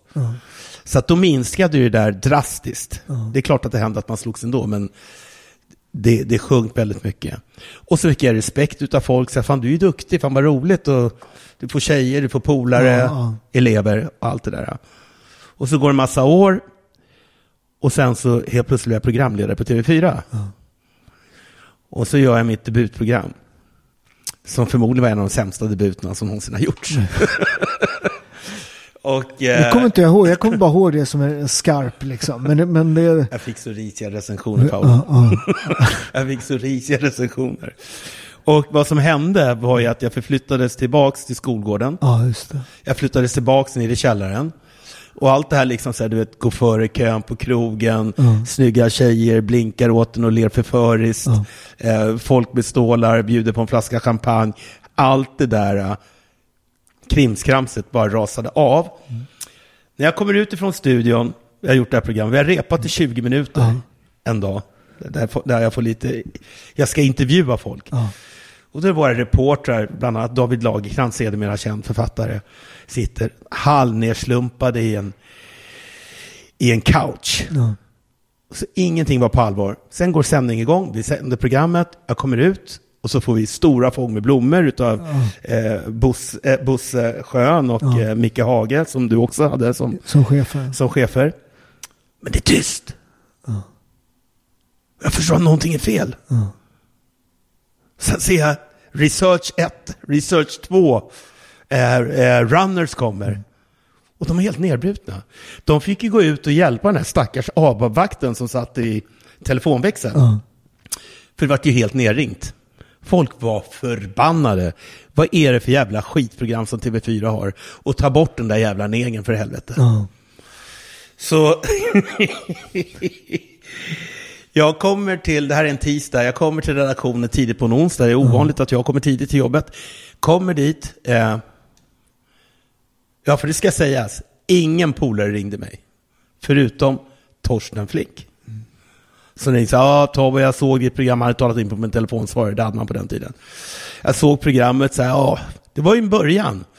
Eh, det där kommer säkert bli bättre, skit i vad folk säger, så här, jag älskar dig, puss kram, hej. Andra bara moltysta. jag kommer till jobbet, sätter på telefonsvararen, vilket var tur. Ja men tjena, för fan, hörru du, eh, är det Dabrowski-TV som gör jävla skitprogrammet för TV4? För fan vilket jävla program! Och ta bort den där jävla svartingen, du vet. Den, det typen Ja, utav ja, grejer. ja. Okej. Sen var det väl någon som tyckte att eh, jag hade varit hårdhänt mot dem när man hade jobbat som dörrvakt. Och ja. Allt möjligt sånt där skit kom upp. Så jag tänkte, vad fan, det här är ju inte bra. Så jag tryckte på delete. Så, ja, ja, ja, ja, så försvann alla de där grejerna. Fantastiskt. Och sen kommer morgontidningen, eller eh, kommer kvällstidningarna, fast de kommer ju på förmiddagen. Och då har Expressen, som var störst då, som rubrik på recensionssidan. Och där står det med stora bokstäver, nattsvart förskräcklig katastrof. Okej. I TV4s nya debattsatsning, Svart eller vitt, lyser Lydia Capolicchio, som då var min programledarkollega, med sin sedvanliga amatörmässighet. När det nya fyndet, citattecken, Tab mot Selva intar scen, ja, då blir det nattsvart förskräcklig katastrof. Så jag var ju sågad jämt med fotknölarna. Folk kom fram till mig när jag var inne och handlade på Konsum vid, vid Sveavägen. Men det är ju du. Ja, alltså, ja men du, TV4. Ja. Fy fan vad dålig du är. Jaha, så. Nej, men jag vill bara vara ärlig. Jag vill bara säga vad jag tycker. Jag tycker du är skitdålig. Ja, tack så mycket, sa man. Vad ska man säga? Ja, vad fan ska man säga? Vad ska man och, säga? och, och så folk också. Ja. Ja. Så att, och då blev jag, eh, apropå det här vi pratade om, liksom when you fall from grace, Ja. ifrån hiss till diss. Ja. Och när vi sitter på redaktionsmöte, vi vet, vi har tisdagen förflutit, dåligt program, vi ska ha ett nytt program på torsdag.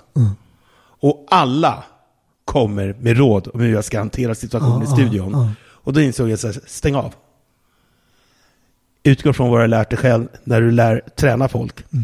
Du ska gå in till en ny rond, Paolo. Du blir lite uppsmiskad i första ronden. Precis. Du vill bara ha två råd. Rör dig åt höger så undviker du det slaget. Eller eh, clincha eh, när han gör så. Du vill inte ha åtta råd, för det kan du inte applicera. Du kan applicera max två råd. Så jag hade ju några så här tics som jag insåg så att den här måste jag bara plocka bort. Sen om det fanns tio saker som behövde rättas, ta de två i taget. Sen reste det på sig, sen blev programmet en succé. Ja, Det var ju, det var ju väldigt, väldigt bra. Men hur många, hur många säsonger gjorde du? fem och en halv eller om det var Ja, sex och en halv. Jag, jag, jag, 94, eh, hösten 94 fram till årsskiftet 96-97. Jag gjorde 134 program av 138. Vi hade fyra program på sommaren som vi körde med bara en programledare. Så serien var 138 under den tiden jag jobbade med det. Och om någon nu skulle tro som du att jag hade fått foten när jag slutade så fick jag inte det. Jag, Nej, nej. jag förlängde inte mitt kontrakt. Varför då? Eh, flera skäl. Eh, jag tyckte att programmet hade tappat i kvalitet. Och när jag säger att programmet hade tappat i kvalitet så tyckte jag att vi blev för mycket SVT. Eh, och jag har inga problem med SVT, men våra program skulle ha en helt annan nerv. Det har jag. Vad sa du? Det har jag. Det har du.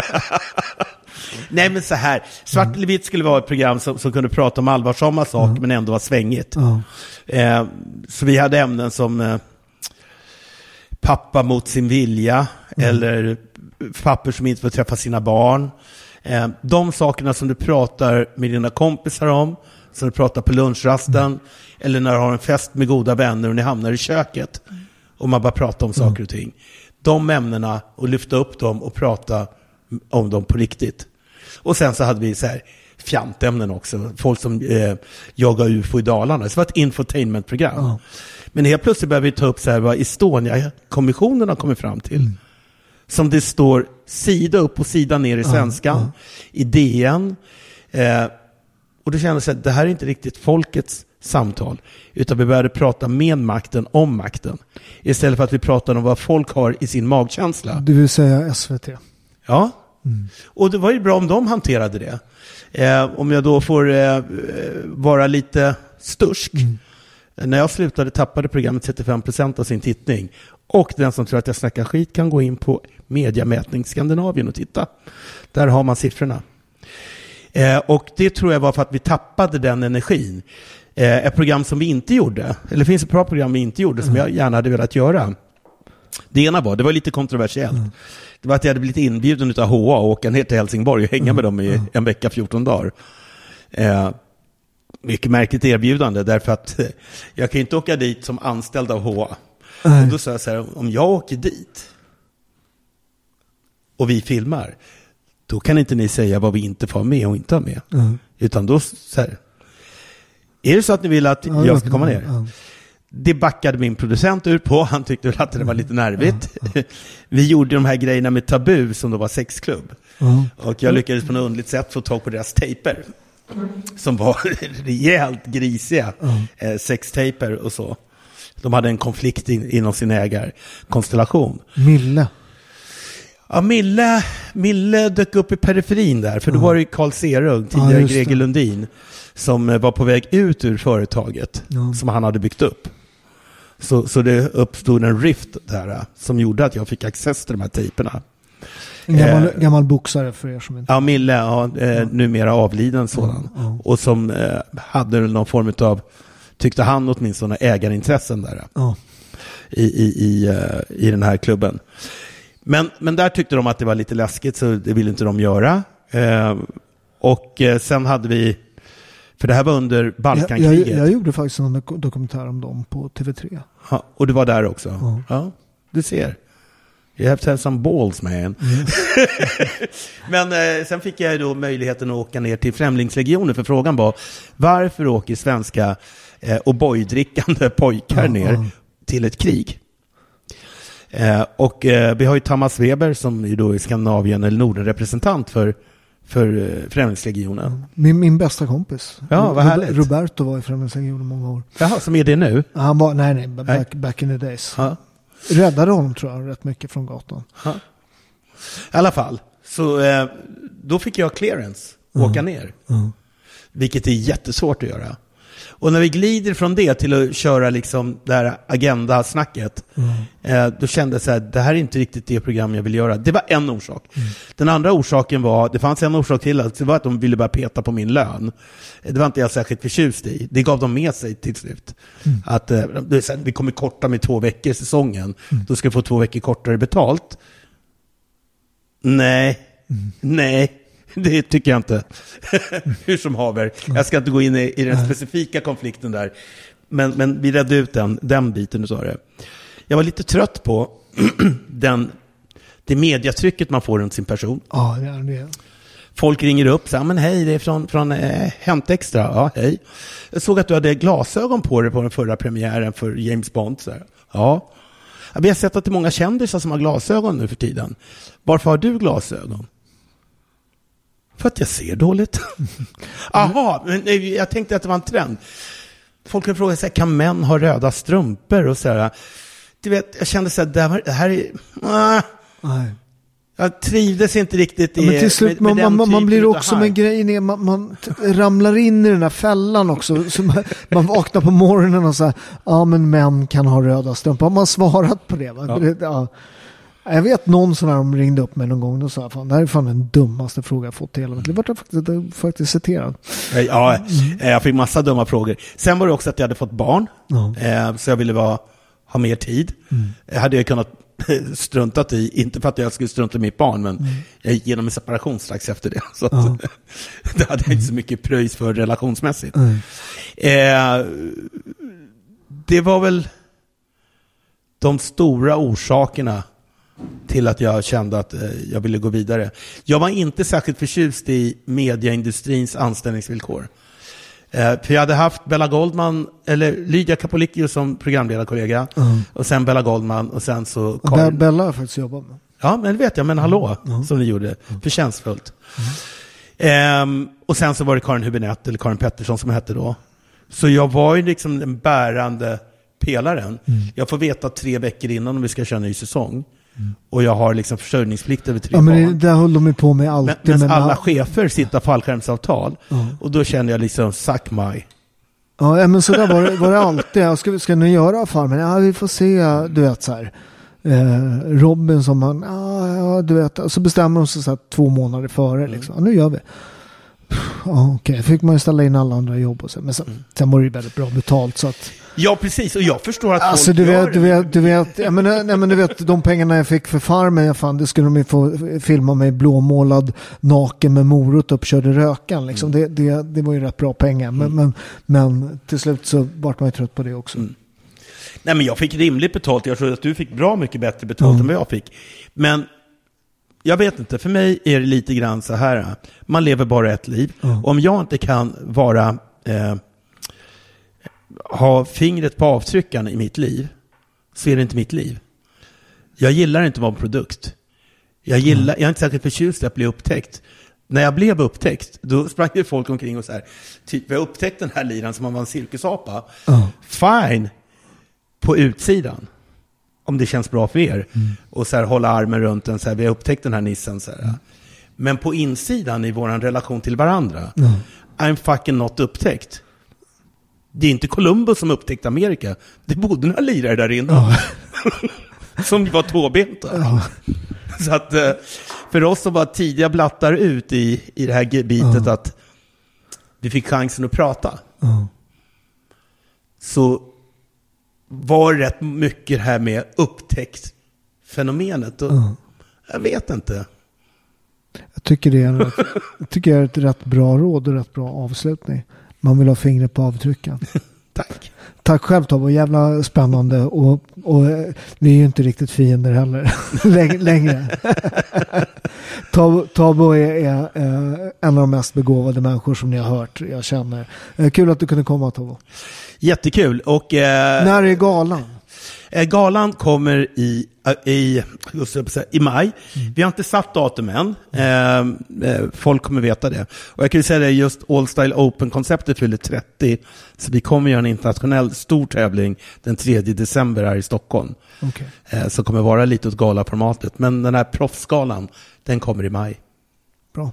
Tack Tobbe. Tack.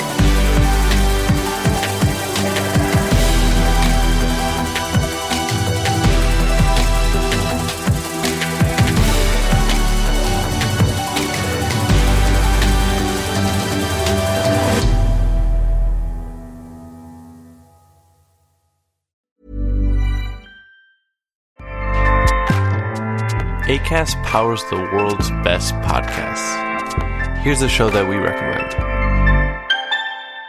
Hey guys, welcome to Giggly Squad. A place where we make fun of everything, but most importantly, ourselves. I'm Paige DeSorbo. I'm Hannah Berner. Welcome to the squad. Giggly Squad started on Summer House when we were giggling during an inappropriate time. But of course, we can't be managed. So we decided to start this podcast to continue giggling. We will make fun of pop culture news, We're watching fashion trends, pep talks where we give advice, mental health moments. and games and guests. Listen to Giggly Squad on ACAST or wherever you get your podcasts. ACAST helps creators launch, grow, and monetize their podcasts everywhere. ACAST.com.